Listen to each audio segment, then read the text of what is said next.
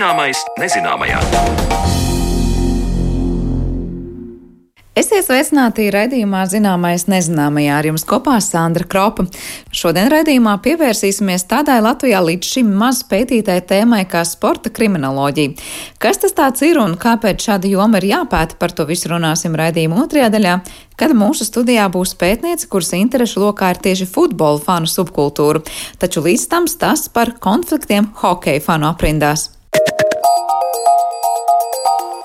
Atšķirībā no futbola faniem, hokeja līdzjutēji ir krietni vien miermīlīgāki un draudzīgāki savās izpausmēs, vai un kādas sadursmes ir notikušas hokeja fanu starpā un kā viņi izpaužas hokeja spēlēs, par to manas kolēģis Zanes Lācis saruna ar hokeja faniem un sporta žurnālistu Mārtiņu Kļavinieku. No pāris desmitiem līdz vairākiem tūkstošiem. Tā nepilnu 30 gadu laikā ir izaudzis hokeja līdzjutēju skaits. Šajā laika posmā Latvijas hokeja izlase ir izcīnījusi nemazumu spožu uzvaru, kā arī piedzīvojusi sāpīgus zaudējumus, bet spēles laikā tribīnēs ar bungām, taurēm un atbalstošiem saucieniem sportists allaž uzmundrina viņu līdzjutēji. Par fanu uzvedību un kā radās hokeja fanu spilgtākais tēls Jurčiks Ragana runāsim turpmākajās minūtēs.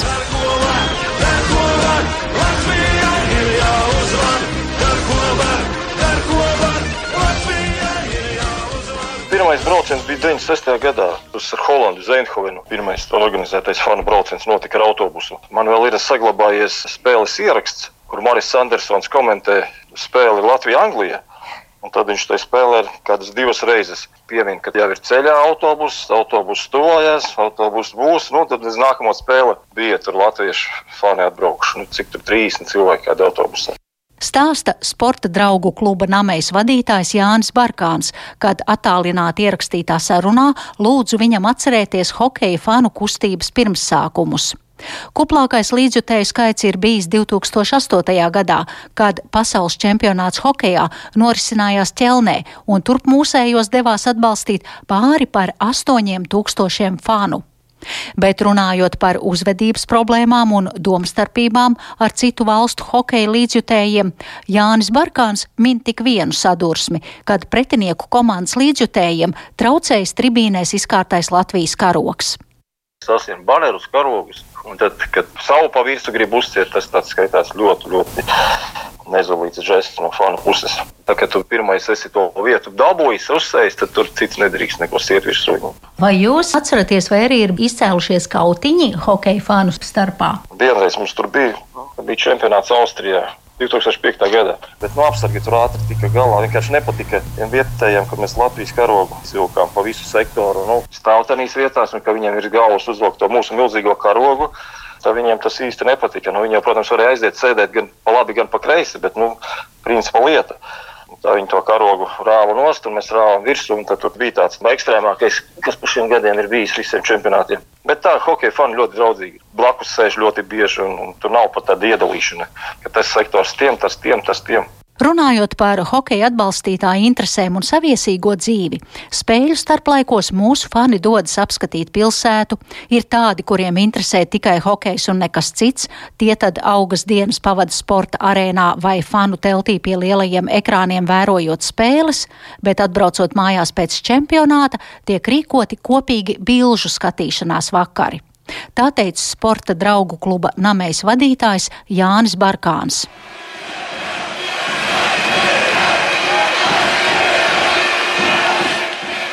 Viss, ko es esmu darījis, ir no manas puses bijis patīkami un, un jautri. Būtībā uzturēt to jautrību pašu, to dzirkstelīti, lai visi nāktu uz to spēli atvērti un jautri un, un bez kādām neidīgām emocijām. Ja pirms tam tā maska man it kā bija likās, es tūlīt paņemšu to masku un kā sākumā es, es domāju, ka ot, iebaidīt pretinieks tiesnešus jāsavu tādu dusmīgo masku, bet beigās sev bija tā, ka pats galvenais sev bija atbalstīt tos līdzjūtējus un arī tos pašus spēlētājus spēlētājs, lai, lai veiktos. Ļoti pazīstamais Raganas tēls, kurš uzkurināja un izklaidēja publiku hokeja spēļu laikā, radās ap 2004. gadu, kad Jurijs Petersons, kurš tolaik jau fanoja par savas pilsētas komandu ASK Ogre, reiz atbrauca uz Latvijas un Baltkrievijas izlases spēli Sporta pilī. Uzvilk virsū viņu kaut kā, pālēties vienkārši tādā sporta pilī pālējos. Citiem tā kaut kā baigi iepatikās, un tad ogrē jau, jau uzvilka to masku, un to ogrē arī visiem sāka patikt, un tad tā lieta arī aizgāja. Jurčiks Ragana bija skatītāju un sportistu iemīļots un populārs tēls. Līdz 2018. gadā Dienāmo komandas valde aizliedza šim maskotajam fanam atrasties arēna Rīga tribīnēs. Aizlieguma pamatojums - no šī tēla baidās bērni. Jautāju Jurijam, ko paši spēlētāji un citi hokeja līdzjutēji viņam ir teikuši par šo raganas masku. Nu, sportistam ļoti patīk to, ko es tur darīju. Ja, un arī tāpat arī skatītājiem un līdzjūtējiem arī viss bija ļoti eh, priecīgi par to, jo līdz ar savu klātbūtni es jau mēģināju tos skatītājus pavilkt vairāk, būt atvērtākiem un palīdzēt atbalstīt uh, sportistiem. Sportisti tikai par to, ka uh, tikai par un arī ļoti daudz nožēlo to, ka ir notikusi tā situācija ar to Rīgas dīnāmu un ar Hokeja federāciju, kad neļauj kaut gan atbalsts visu laiku ir gājis gan no līdzjūtējiem, gan no pašiem spēlētājiem. Ko jums teica Hokeja federācijas pārstāvja vai Dienāmo komandas vadība saistībā ar jūsu tēlu?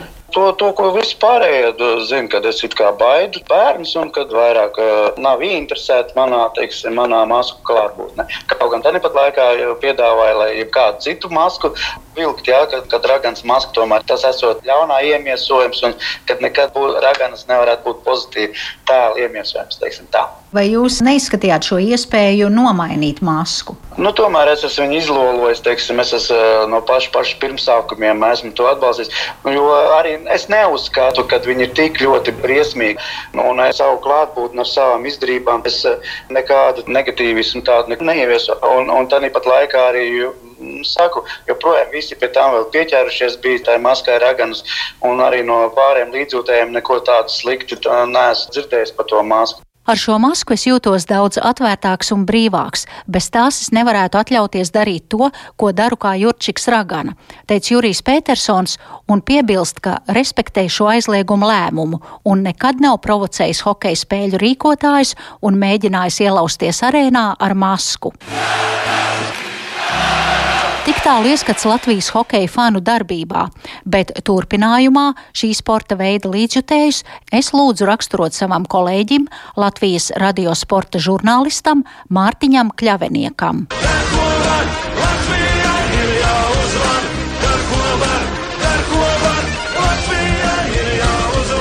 Vai tu esi arī pētījis, kā tas ir citviet pasaulē, ja mēs runājam tieši par šo sporta veidu, vai arī citas valsts var uh, lepoties ar šādiem fanu grupējumiem, vai Latvija tomēr ir um, unikāla?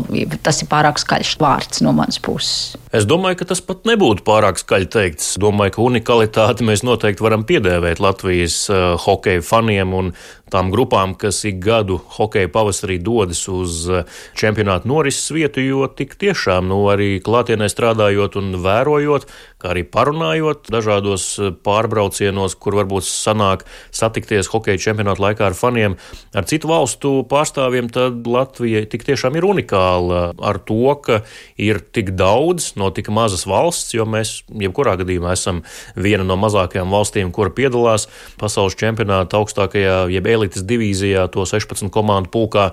Dažreiz, ja tur spēlē Slovenija, tad Slovenija var pielīdzināt mums, bet tomēr citādi mēs esam pēc iedzīvotāju skaita mazākā valsts, kura tur sacenšas. Un, līdz ar to esam unikāli ar tām masām un arī ar redzamību tribīnēs, TV kamerās. Un skaidrs, ka ir hokeja fani tiešām tādi, kuri ir gadu gadiem braukuši uz pasaules čempionātiem arī citās valstīs, bet tāds fenomens, ka tik daudz, tik ļoti savai izlasēji līdzi jūtošu, redzamu, skaļu līdzutēju, nu, tas noteikti ir unikāli. Skaidrs, ka tur var diskutēt par to, kādu unikalitātes līmeni var piedēvēt Latvijas faniem, piemēram, izpausmi. Tas ir saukļu ziņā, jo daudz jau ir filozofējuši par to, ka tur noteikti Latvijas hokeja līdzutēji nav numur viens pasaulē, jo to saukļu nav nemaz tik daudz, un tie atkārtojas gadu no gada. Tāpat laikā tiem pašiem vāciešiem, šveiciešiem arī Citu valstu pārstāvjiem ir varbūt skaļākas bungas, varbūt arī dēļas tribīnēs un organizētāki un dažādāki saukļi, bet tieši ar šo aspektu, ka mēs esam vispār Latvijas iekšzemē tik maz un tik daudz no mums fano par hokeju un tik daudz no savukārt tiem, kuri fano vēl izvēlas arī braukt un doties klātienē atbalstīt komandu, kur nu katru gadu notiek pasaules čempionāts, tas noteikti ir unikāli, jo nu īsti tādās izpausmēs nav tas novērojams citu valstu pārstāvju vidū. Tā kā pēc šī sižeta mana kolēģi Sandra Kropa studijā plašāk runās par futbola faniem un šo subkultūru, par to, ka viņi nereti vien izceļas ar huligāniskām un provokatīvām izpausmēm.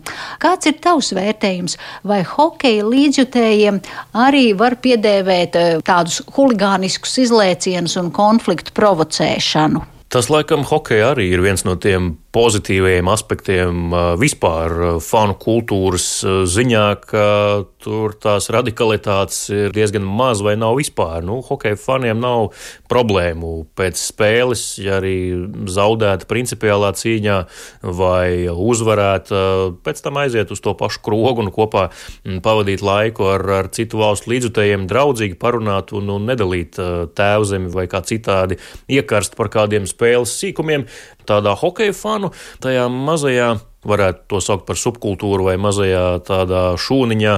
Tik tiešām, cik ir novērots pieredzē, tad tur tās radikalitātes ir gaužām maz, jo kaut kā tas viss ir tā ļoti miermīlīgi un spēle ir spēle, protams, katrs par savu komandu, bet nu, tur neaiziet līdz kādu sarkano līniju pārkāpšanai, kā tas ir novērojams futbolā. Tā kā tā hokeja fanu vide ir tā draudzīgāka, iespējams, tieši tāpēc arī var ar to izskaidrot šo Latvijas fenomenu, jo es arī nevienreiz vien kā žurnālists esmu devies ar fanu autobusu uz pasaules čempionātu hokejā, kad hokeja čempionāts čempionāts notika Minskā 2014. gadā, gan arī Maskavā 2016. gadā.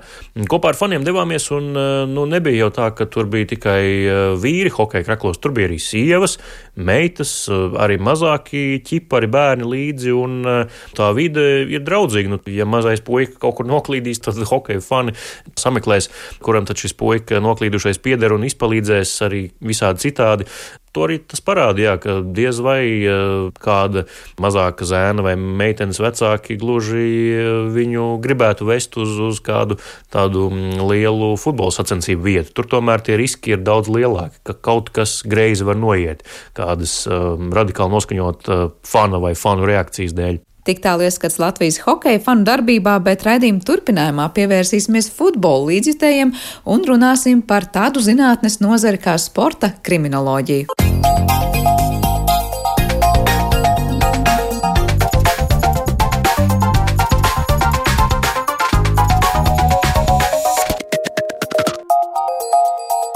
Zināmais nezināmajā. Pavisam nesen kā Rīgas Tradiņu universitātē aizstāvēts promocijas darbs sporta kriminoloģijā. Tas nu pats par sevi šķita mums gan interesants notikums, lai lūkotu, ko šī zinātnes nozara pēta un kāpēc tas aktuāli arī Latvijā. Pētījumā īpaši aktualizēta un analizēta futbola fanu subkultūra, kurā, kā atzīst pētnieci, jau ilgāku laiku novērojams kriminalizācijas pieaugums. Lai runātu gan par sporta kriminoloģiju, gan konkrēto pētījumu, studijā esam aicinājuši arī promocijas darba autoru un nu jau arī tiesību zinātņu doktori Karinu Zaltsmanu. Labdien! Labdien! Vispirms apsveicu ar tādu ļoti, var teikt, jaunas jomas pētījumu Latvijā. Tā var teikt, ka tā ir nu, nozara, kas tikai spēr savus pirmos soļus šobrīd pie mums Latvijā. Jā, tieši tā ir jau raksti sporta tiesību jomā, jā, bet kriminoloģiskā un krimināltiesiskā jomā nebija nevienā, un nevis tikai Latvija, bet arī Baltijas valstu reģiona. Jā, arī, kad aizstāvēju, recenzenti bija no Lietuvas, jā, un arī minēja, kā pie kaimiņiem nav tāda pētījuma. Bet kur radās doma kaut kam? Tādam pievērsties, un tad nu, nonāksim pie tā, kas tad īsti ir tas pētījuma avots un auto uh, lauks šajā jomā. Uh, nu, šis ir tāds populārs jautājums. Pirmais jautājums, ko parasti uzdod. Um, es studēju maģistrantūrā Lielbritānijā, ja, un uh, Anglija ir tā valsts, kur viss tas sāks, tā subkultūrā, ja, un studijas man bija uh, mediju un sporta tiesības. Uh, un reiz biju, nu, kā dzīvot Lielbritānijā un neapmeklēt nevienu futbola spēli, ja, uh, mums sanāca dabūt ielūgumus uz spēli, futbola spēli Chelsea uh, un Spartak. Ja? Un tur sākas tāds interesants moments, ka tā kā visi kursā biedri bija no Lietuvas, no Krievijas, jā, un tā sanāca, ka kopīgi varējām runāt vai no angliski, vai no krieviski, jā, runājam krieviski.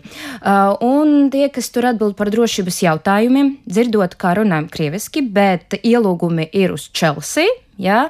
Nu, mēs izjūtam 20 minūšu tādu pārbaudi, gan psiholoģisku, gan fizisku. Ja? Kāpēc tad jūs esat? Nu, es tad aizdomāju, kāpēc tā? Varbūt kaut kas varētu tur notikt. Ja? Nu, un pēc tam jau arī skatoties to spēli, mēs jau sajūtam to visu, ja? jo Spartāk no Krievijas ir tie līdzjutēji, tie fani, ja? vieni no tiem kas parasti kaut ko pretiesisko taisā, jā, tur stadionu, nu, tur gan viss bija iespējamais, neiespējamajā. Jā, tā kā tur nāca tā ideja, pie tam arī eh, augstskola, kur studēju, jā, tur visi profesori, viņi ir vieni no pirmajiem, kas sāka kopumā pasaulē testīt sporta tiesības. Tā kā man paveicas, nu, un tad arī atgriežoties te, sapratu, ka vajag arī kaut ko līdzīgu Latvijā. Ar kādiem jautājumiem sporta tiesības šajā gadījumā, tajā kriminoloģijā īpaši pievērš un, jā, un skatās? Uh, sporta kriminoloģija pēta to. Mm, noziedzīgu nodarījumu veidu sportā jomā, kādi ir noziedznieki, likuma pārkāp, tie, kas taisa likuma pārkāpumus, ja?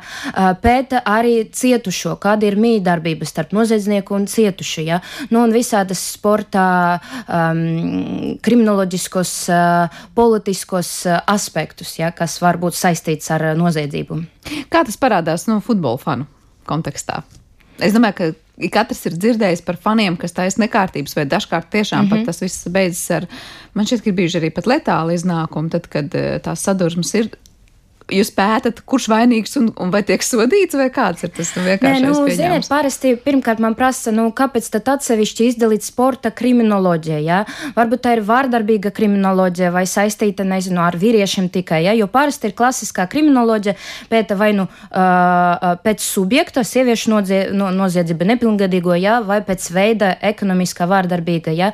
Sporta kriminoloģija, viņa pieta, pēta gan to, gan to, gan to, viss, kas iekšā, ja? Un Un um, vārdarbība, agresija, noziedzīgi nodarījumi, ko dara līdzjutēji, ja, ir viens no tādiem uh, uh, aspektiem tieši tajā kriminoloģijā. Ja. Un, ja mēs runājam tad, tad par uh, līdzjutējiem, nu, pirmkārt, es darba sadalīju, uh, ir līdzjutēji, ja, ir līdzjutēji ar kriminogēnam izpausmēm.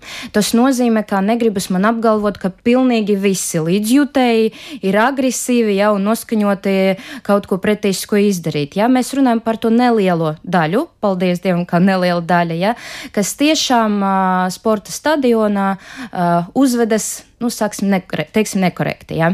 ja mēs runājam par Latviju, tad pārsvarā pie mums ir administratīvie pārkāpumi, ja? pirotehnikas lietošanā, uh, vārdi diskriminējošie. Ja? Paldies Dievam, pie mums nekā teiksim, tāda sevišķi smaga nav. Ja? Bet, ja mēs runājam par Eiropu, pavisam nesen, arī 2019. gada, ir tīpaši Itālija, ja?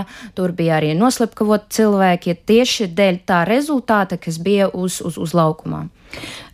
Tas ir vairāk, kas skar futbolu, ja mēs tā runājam, vai tas ir jebkurā sporta veidā? Mēs vienkārši mazāk par to runājam. Uh, Pārsvara futbola, jā, um, tādas atbildes, kāpēc tieši futbolā uh, nav, bet nu, tā izverzot tādus secinājumus pēc, pēc pētījumā, uh, nu, pirmkārt, futbola ir uh, lielā naudā, ja, kur naudā, tur, protams, arī kaut kas pretīsisks, ja, nu, un pie tam arī tas laukums, viņš ir atvērts, tas stadions, ja, teiksim, tā paša hokeja, kad viss ir aizvērts, nu, tur, tur emocijas nāk nedaudz eh, savādāk, ja. E, tam varētu būt saistība ar to, cik daudz cilvēku reāli var ietilpināt tajā stadionā. Nu, futbola stadions ir milzīgs. E, jā. Tur tas pūļa efekts citādā. Jā, spēks. tieši tā, tieši tā. Tur tas pūļa efekts pie tam arī, teiksim, ja hokeju, nu, piemēram, ja skatas arī uh, sievietes un nāk gan ar ģimenēm uz futbolu, protams, arī nāk, bet pārsvarā tas ir kaut kas tāds vīrišķīgs. Nu, šeit laikam liktos, nu, kuram kas liekas, jā, varbūt kādai sievietei tieši liekas, ka vēl vīrišķīgāks ir hokejs, un tur viņai neinteresē skatīties. Jā, jā bet, ziniet, arī ir, ir tādi grupējumi, ja tā drīkst teikt, sieviešu tie, kas arī pārkāp likumu. Pie mums nav, Latvijā nav, jā, man ir zināmi Austruma Eiropa, jā, Krievi un Polija ir. Jā. Tas ir, nu, veicot arī, teiksim, mm, statistikas datu tādu apkopojumu, kad ir, ir futbola fana portrets, jā. Uh, 164 respondenti bija, un no tiem divas sievietes bija. Oh, kā. ir kādas atbildes, kas viņām liek iesaistīties tādos grupējumos? Uh, pārsvarā tas ir personiskas attiecības ar vīrieti, kas ir jau tajā subkultūrā. Tas vai nu radniecība, vai nu draugs. Ja.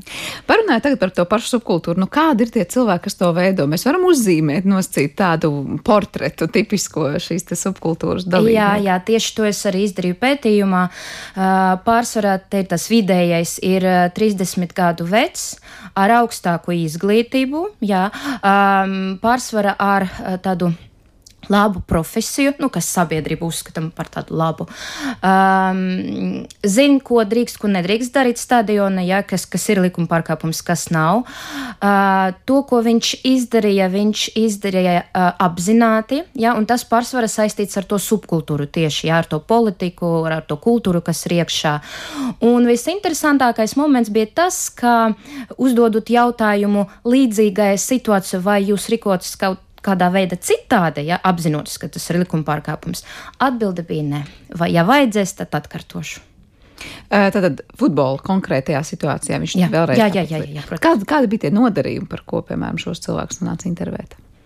Nu, ko viņi pārsvarā bija izdarījuši? Um, nu, ziniet, nu, pārsvarā, kā jau minēju, tie, kas uh, no Baltijas reģiona bija administratīvie pārkāpumi. Es domāju, tam portretam, jā. ko jūs uzzīmējāt, es pieņemu, tas bija par, jā, par, par, par Anglijas, jā, jā. jā kādu. Uh, tur viss jebkas ir. Uh, no pārsvarā gan arī tagad ir pieejami, kad es uzsāku to pētījumu, nebija mm, statistikas datu pār tiem noziedzīgiem nodarījumiem kopumā Eiropā, jā. Tagad uh, ProS 4 plus projekta, tas ir Eiropas Savienības projekts. Uh, viņi vāc datus no Eiropas Savienības valstīm, jā, nu, un tur pirmā vietā ir pirotehnika, jā, tas, kas ir iekš, un vispārējais saistīts ar vardarbību gan pret pārējiem faniem, gan pret policijas darbiniekiem, jā, tas, tas ir. Tas ir par Baltiju, ko jūs runājat? Nē, tas, tas kopumā Eiropas Savienībā, mm -hmm. jā. Uh, ja mēs paskatāmies nu, labi, par Lielbritāniju, kaut mm -hmm. vai mhm. runājot, man liekas, nu, kurš nav dzirdējis vai redzējis kādā filmā, tās tiešām sadursmes tur ir, nu, tur ir lielas, jā, un tā vardarbības mm -hmm. ir augsta vilna. Jūs teicāt, ka tas portrets ar mm -hmm. to mhm. augstāko izglītību, mm -hmm. ar labu darbu, tas arī par Lielbritāniju. Jā. Kas tas jau visur tā ir? Jā, kas cilvēku nu, motivē vai, vai liek viņam iesaistīties šādā kustībā vai šādās aktivitātēs? Nu, te ir tādas divas puses. Nu, pirmais, tas tiešām saistīts ar to uh, subkultūru, uh, ar to izjūtu, ka tu esi kopā ar visiem pārējiem, viens par visiem, visi par to vienu. Jā.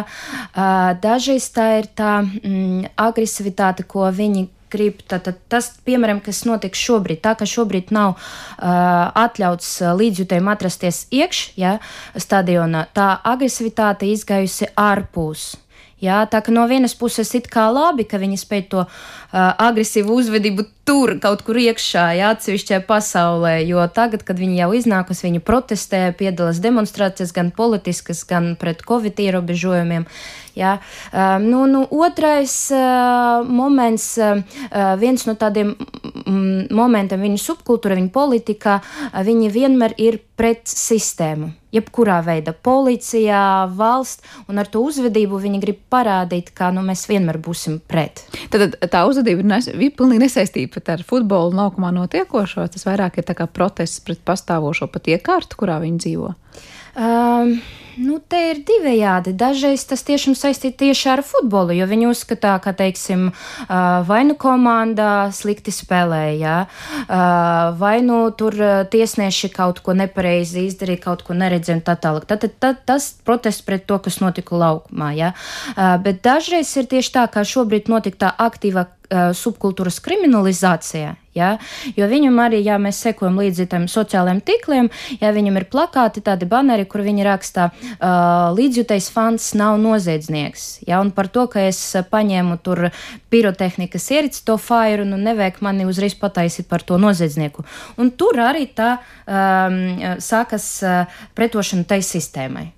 Ja, tur arī viņi padara vēl vairāk. Līdz ar to tāda viena no idejām um, bija par, runāt par prevenciju. Ja, nedrīkst uh, runāt tikai par represīvajām uh, metodēm. Ir jāveido dialogu, ja, jo uh, daļa no tiem, kas arī kam bija tie pārkāpumi, viņi negrib, lai futbols būtu nu, tāds, kā šobrīd, teiksim, visā pasaulē viņu redz, runāt par futbola faniem. Vai tajās grupējumos ir tāda tā kā hierarhija, kurš ir līderis un tālāk, kā saka, kurš vispār ir tā kā, nu, ordinēts kādam kaut ko teikt, neteikt, un kurš ir, kā saka, tas, kurš pieņem lēmumu? Jā, pētījumā arī veicu tādu salīdzinājumu, kur tā futbola fanu subkultūrā, kuru vietu aizņem kriminālajā subkultūra. Ja? Un tieši salīdzinot, tad parādīs pirmkārt, ka gan tur, gan tur vienmēr ir līderi Ja? Uh, pie tam, ja atdalot līderi no grupas, ja, tad tie pārkāpumi samazinās. Ja? Uh, nu, Latvijā, Baltijas reģiona nu, īstenībā nemaz nav tādas struktūras. Nu, ir viens, kas ir līderis, visi pārējie ir vienlīdzīgi. Ja mēs runājam, nu, piemēram, par uh, Serbiju, ja, tur jau ir vairāki pētījumi, ka pierādīts, ka tur ir tā mm, organizēta, noziedzīga grupa. Ja, neskatoties uz to, ka viņi sevi uzskata par faniem, ja, bet nu, pēc, pēc visiem pazīmēm tā ir organizēta noziedzīga grupa. Viņas tādā veidā cīnās viena pret otru, tātad nu, viena fanu grupa pret otru fanu grupu, vai vienkārši viņi ies un cīnīsies pret sistēmu, pret policiju, pret citiem līdzjutējiem, pret sportistiem, tiesnešiem. Nu, um, teiksim, uh, futbola fani, ir vēl zemek tādas apakšgrupas ar nosaukumiem. Nu, lielākas grupas ir ultras un huligāni. Ja mēs runājam par huligāniem, tad tiem vienīgais ir eh, kautiņi, ja eh, vie, eh, starp viena grupēm un, un, un otrā, ja neko nezinām par futbolu, varbūt arī nemaz nav tik lielas intereses, nav mēs tie kautiņi. Ja, ja mēs runājam, piemēram, par ultra, ultras, nu, tiem vairāk ir tā kultūrā zem emocijām. Jā, tad viņi īstenībā var arī neko tādu pretiesisko netaisīt un, un neorganizēt. Tas tikai emocijas. Un nepaveicas tajā dienā komandai, nu tad viņi izpauž to agresiju uz visiem pārējiem. Bet tādā ziņā tur laužot, plēšot vai reāli sitot citus komandas, uh, nu tos. Varbūt apkārtējos. gan tā, gan tā. Tātad izpausmu ziņās pat tie huligāni un ultras var būt vienādi stipri. Uh, Jā, vienīgais ir tas motīvs. Mm -hmm. Huligāniem vienalga par ko cīnīties. Jā, bet uz futbolu var neiet. Jā, jā, jā, jā. Otrs, nu, tiem vairāk to emociju un vairāk saistē ar to futbolu. Kā noteikti, nu, ja tagad skatās tādām grupējumām, mm -hmm. patiesībā abiem šiem ultrām un, un, un huligāniem, uh, tad, kad tie nonāk tur policijas redzes lokā, tie ir kā noziedznieki, vai, piemēram, tagad pateiks, nē, nu labi, tas bija tur pārtrakojies fans, mm -hmm. un viņam nepiemēros tur tādu sodu, kā citādi tam pašam cilvēkam viņš to pašu būtu izdarījis vienkārši tur klusā vakara stūrī, ja kaut kur. Nu, ir atkarīgs, kurā valstī tas viss ir noteicis. Piemēram, pie mums, ja neatdala atsevišķi, ja tu pārkāp likumu, nu, tad vienalga tu vai nu tagad tiks saukt pie administratīvas atbildības vai, vai nu pie krimināla atbildības, ja ir valstis, piemēram, Vācija, Francija, tāpat Krievija, Polija, ja, kur nu tie grupējumi ir ārkārtīgi lieli. Uh, tur, protams, jau runā citādi, un viņam pie tam arī ir speciāli, uh, speciālas normas normas, attiecīgos likumus, jā, kur arī paredz to atbildību par to, ko viņi ir izdarījuši. Tad, tad viņi nav līdzīgi parastiem huligānam, jā, kas krimināla likuma, piemēram, jā. Francija ir atsevišķi kodeks pār sporta likumu, tā ir sporta likums, sporta tiesībām, un tur iekšā ir gan tas, kas mums sporta likumā, gan arī kas mums krimināla likumā, administratīvā, jā, nu jauna speciāla likumi, gan arī viss jebkas, kas varētu būt saistīts saistīts ar sportu. Bet tad sanāk, tas sots nebūs mazāks tikai tāpēc, ka kāda, nu, kādā valstī, kur pateiks, nu, tas bija tur mm, pārāk emocionāls sporta līdzjutējs, viņš tur mazliet nekārtības izveidoja. Um, sporta, uh, sports kā tāds un sporta industrija, ja tā sporta nozare, uh, viņi ir pašregulējušā nozare. Tas nozīmē, ka dažreiz policija pat nezina, ka kaut kas pretiesisks ir uh, noticis uh, stadionā. Jo, jo organizētam, sporta pasākumu organizētam ir atļauts uh, ar pašiem spēkiem atrisināt to problēmu. Cits jautājums ir tas, un diezgan interesants, kā, teiksim, tā kā uh, tur atrodas arī, nu, teiksim, no UEFA, no FIFA pārstāvjiem, nu, tad, ja ir uh, liela mēroga sacensības, uh, var būt sankcijas arī klubam. Ja tā uzvedībā neatbilst prasībām, nolikumam un tā tālāk, tad var tikt sodīts klubs.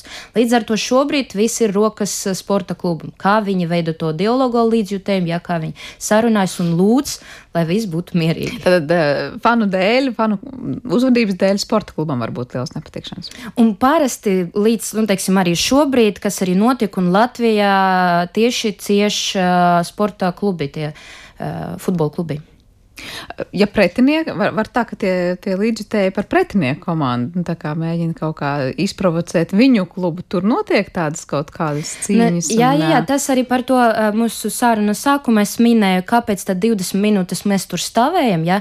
jo viņi domāja, ka mēs tagad provocēsim. Atnācu, teiksim, runājot krieviski sektora, kur sēž līdzjutēji Chelsea, ja? mm -hmm. tad varam sākt to provokāciju un uzreiz tad tiek sodīts Chelsea sportā uh, futbola klubs, nevis Spārtāks, ja, ja mēs būtu Spārtāka pārstāvji. Ja.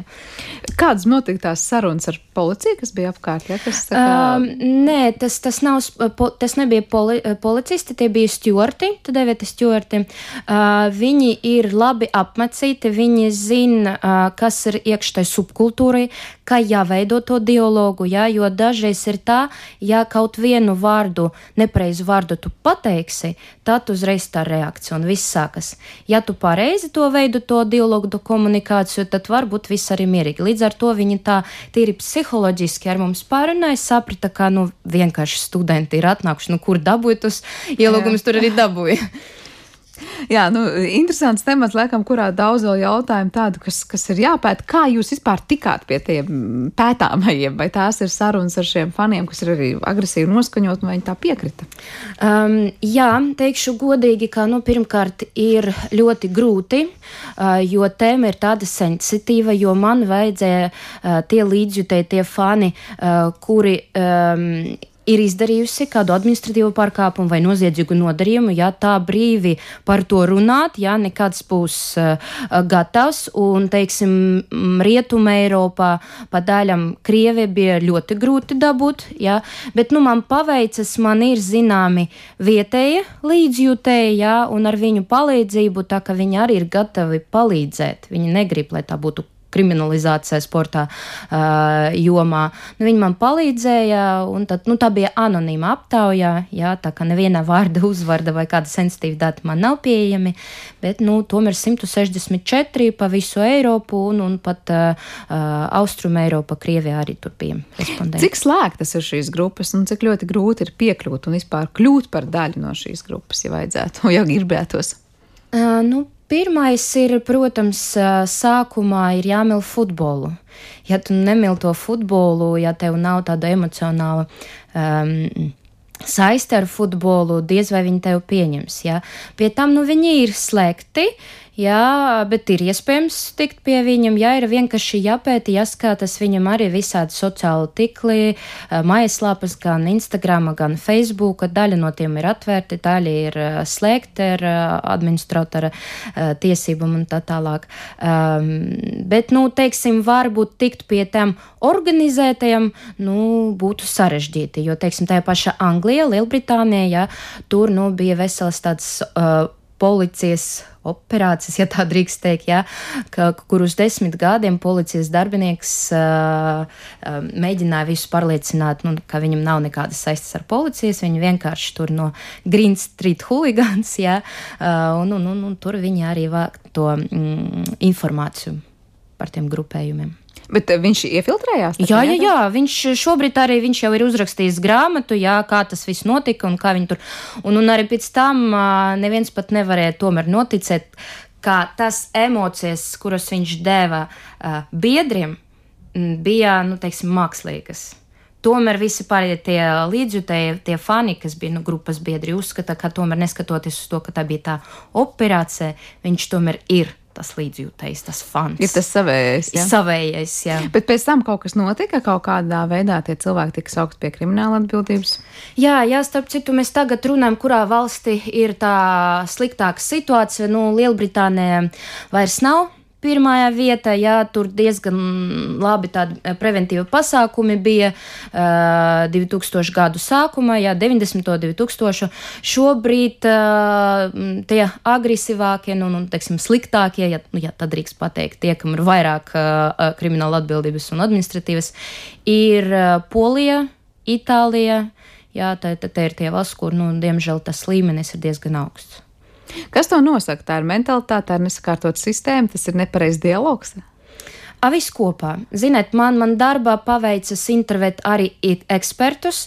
Itālijā tur bija prokurors, un starp citu, viņam ir interesanta sistēma, ka viņam uh, sporta nozarē uh, katrā federācija ir prokurori. Jā, nevis tikai tā, kā mums ir valsts prokurors un tā tālāk. Viņam arī pats spor, ar tie, kas nodarbojas ar to sportu uh, jomu. Un man paveicas tad, tad intervēt, un viņš tieši minēja, ka pirmkārt kopumā uh, sistēmā ir nepareizi izveidota tā sadarbība ar līdzjutējiem, ja, kā uh, negrib gan vienā pusē, gan otrā pusē iesaistīties tajā dialogā. Otrais, protams, tas ir tas emocionālais moments, ja tas temperaments itāļiem, ja. Nu, un trešais, um, ir tā vēsturiski, piemēram, ultras tieši nāca no Itālijas, ja, un tur vēl ir tā saiste ar, ar politiku, ar um, reģioniem, ja tur nav runāt tikai un vienīgi par futbolu, ja tur vēl tā. Um, pret reģioniem. Ja viens reģions pret citu reģionu, viena pilsēta pret citu, un viņam tā ir diezgan spilgti viss. Bet, ja, ja ultras var teikt, nu, cēlušās no Itālijas, ja tā var teikt, jā. nu, tie huligāni, kur vairāk Lielbritānija. Jā. Kur liktos, nu, tur taču futbols zaļ un plaukst, likās, nu, tur droši vien cilvēki vairāk ir par to pašu futbolu, varbūt, eh, varbūt tā emocionāli reaģē, bet, laikam. Nu, ziniet, tas tā kā, teiksim, šobrīd tomēr tas portrets ir 30 eh, gadīgs ar darbu, ar augstāku izglītību, eh, tad tā situācija Lielbritānijā sākas, nu, tā mūsdienu, ja mēs runājam par mūsdienu, tad, tad 50. un 60. gadi, kad situācija gan politiska, gan ekonomiska Lielbritānijā bija ļoti bēdīga, ja, un vienīgā izklaide pusauģiem ja, un strādniekiem bija futbols. Jā, tāpēc nu, varbūt pietrūka izglītības, varbūt pietrūka kultūrālas izglītības, ja saprašanas, kā uzvesties, un tur viss tas sāks. Nu, un pēc tam, jau 80, 90, 2000, kad izglītība vairs nav kaut kas tas, kas nav pieejams visiem, jā, nu, varbūt jau m, tad jau samainīs tas portrets. Jā, jā bet droši vien kaut kādu nu, tendenci jau arī atstāja savu nospiedumu. Ja 50. un 60. gados tas viss attīstījās, un tā var teikt, nu, tāda huligānisms. Nu, jā, pamatā, jā, jā, jā, viss, viss tas. Paliek. Kas notiek tālāk? Nu, jūs tagad promocijas darbs ir, ir, ir aizstāvēts, un jūs esat doktore, bet kas šajā jomā, vai jums ir kaut kādas konkrētas vadlīnijas, ieteikumi, kaut kas tālāk notiek? Jā, īstenībā šo darbu veidoju tā, lai pēc tam uh, tam darbiņam būtu kāda praktiskā nozīme. Ja? Uh, pirmkārt, jau šobrīd mūsu līdzjutēji lasa, ja? Ja, uzzināju, ka Twitterī ir nošarots tas, tas links uz, uz promocijas darbu un ir rakstīts, ka uh, obligāta literatūra visiem, kas uzskatā sevi par līdzjutējiem. Uh, ceru, ka tur ir redzams tas, um, tā zinātniska objektivitāte, ja, jo nekādā gadījumā nepieņem nekādu no pusēm. Ja. Man gribas tomēr, lai līdzjutēji būtu uh, sporta pasākums, jo, nu, kas par sportu, ja nav līdzjutēji, vienkārši negribas, lai būtu tie uh, agresīvākie. Ja. Nu, un otrais moments ir tieši runājot par policijas darbiniekiem, par um, tie, kas atbild ja, par, par, par drošības jautājumiem, lai viņi uzzinātu, kas tas par tiem cilvēkiem, kā ar viņiem veidot to dialogu. Jo vienkārši līdzīgi kā ar, teiksim, parastiem huligāniem, nav iespējams neapkarot, ne nu, novērst to noziedzīgu nodarījumu. Tā kā tā būs tiešām kā vadlīnijas policijas darbiniekiem.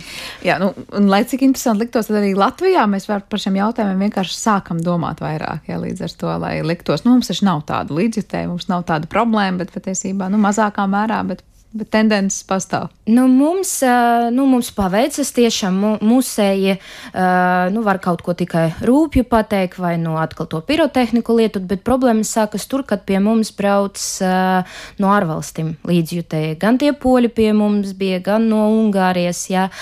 Bija arī tāds gadījums, ja nemaldos, 16. vai 17. gadā pie mums spēlē toreiz, ja nemaldos, tad Jelgava, jā, nu, no mūsu puses. Un uh, spēle bija ar um, Izraēlas Beitārt uh, komandu, tas ir, uh, un viņi ir tādi, nu, teiksim, uh, uh, viss nacionalistiski noskaņoti. Ja? Viņi neļauj uh, kluba valdībai, lai komanda spēlētu neviens cits kā, teiksim, uh, ebrejs. Ja? Nu, viņam pilnīgi strikti. Ja? Un pie tām viņi ir arī uh, tādi kā organizēta, uh, nu, organizētas noziedzības grupa. Un sanāca tā, ka braucot, kad viņi taisies braukt uz Latviju, ja tie līdzjutēji, uh, viņi tiek apstādināti uh, lidostā, ja, nu, tieši. Nu, un tur uh, liels arsenāls bija. Tā kā es varu tikai iedomāties, paldies, tā kā tur drošības dienas uh, tomēr, nu, viņi dabūja to informāciju, ka viņi taisīs kaut ko pretisko taisīt uh, Latvijā, bet nu, ar to arsenālu es nezinu, ko viņi varētu te. Tā kā, jā, no vietēm mums problēmu nav, bet ja kāds brauc, nu, tad. Tad jātur acis vaļā. Lielas paldies par šo sarunu. Dzirdējām tiesības neiģi doktori Karinu Zalcamānī, runājam par sporta kriminoloģiju un sporta tiesībām. Tad jauna joma, kurā tiešām jautājumu vēl ir daudz, par kuriem gan jau arī citā raidījumā vēl paturpināsim sarunu. Paldies par šo raidījumu, teikšu producentei Sarmītei Kolātei un mūzikas redaktoram Girtam Bišam. Skaņrežā bija Sendija Burka, bet es tikai atgādināšu, ka šo un tāpat arī citu zināmais nezināmajās stāstus varat klausīties arī populārākajās podkāstu vietnēs. Lai jums jauka diena un uz tikšanos!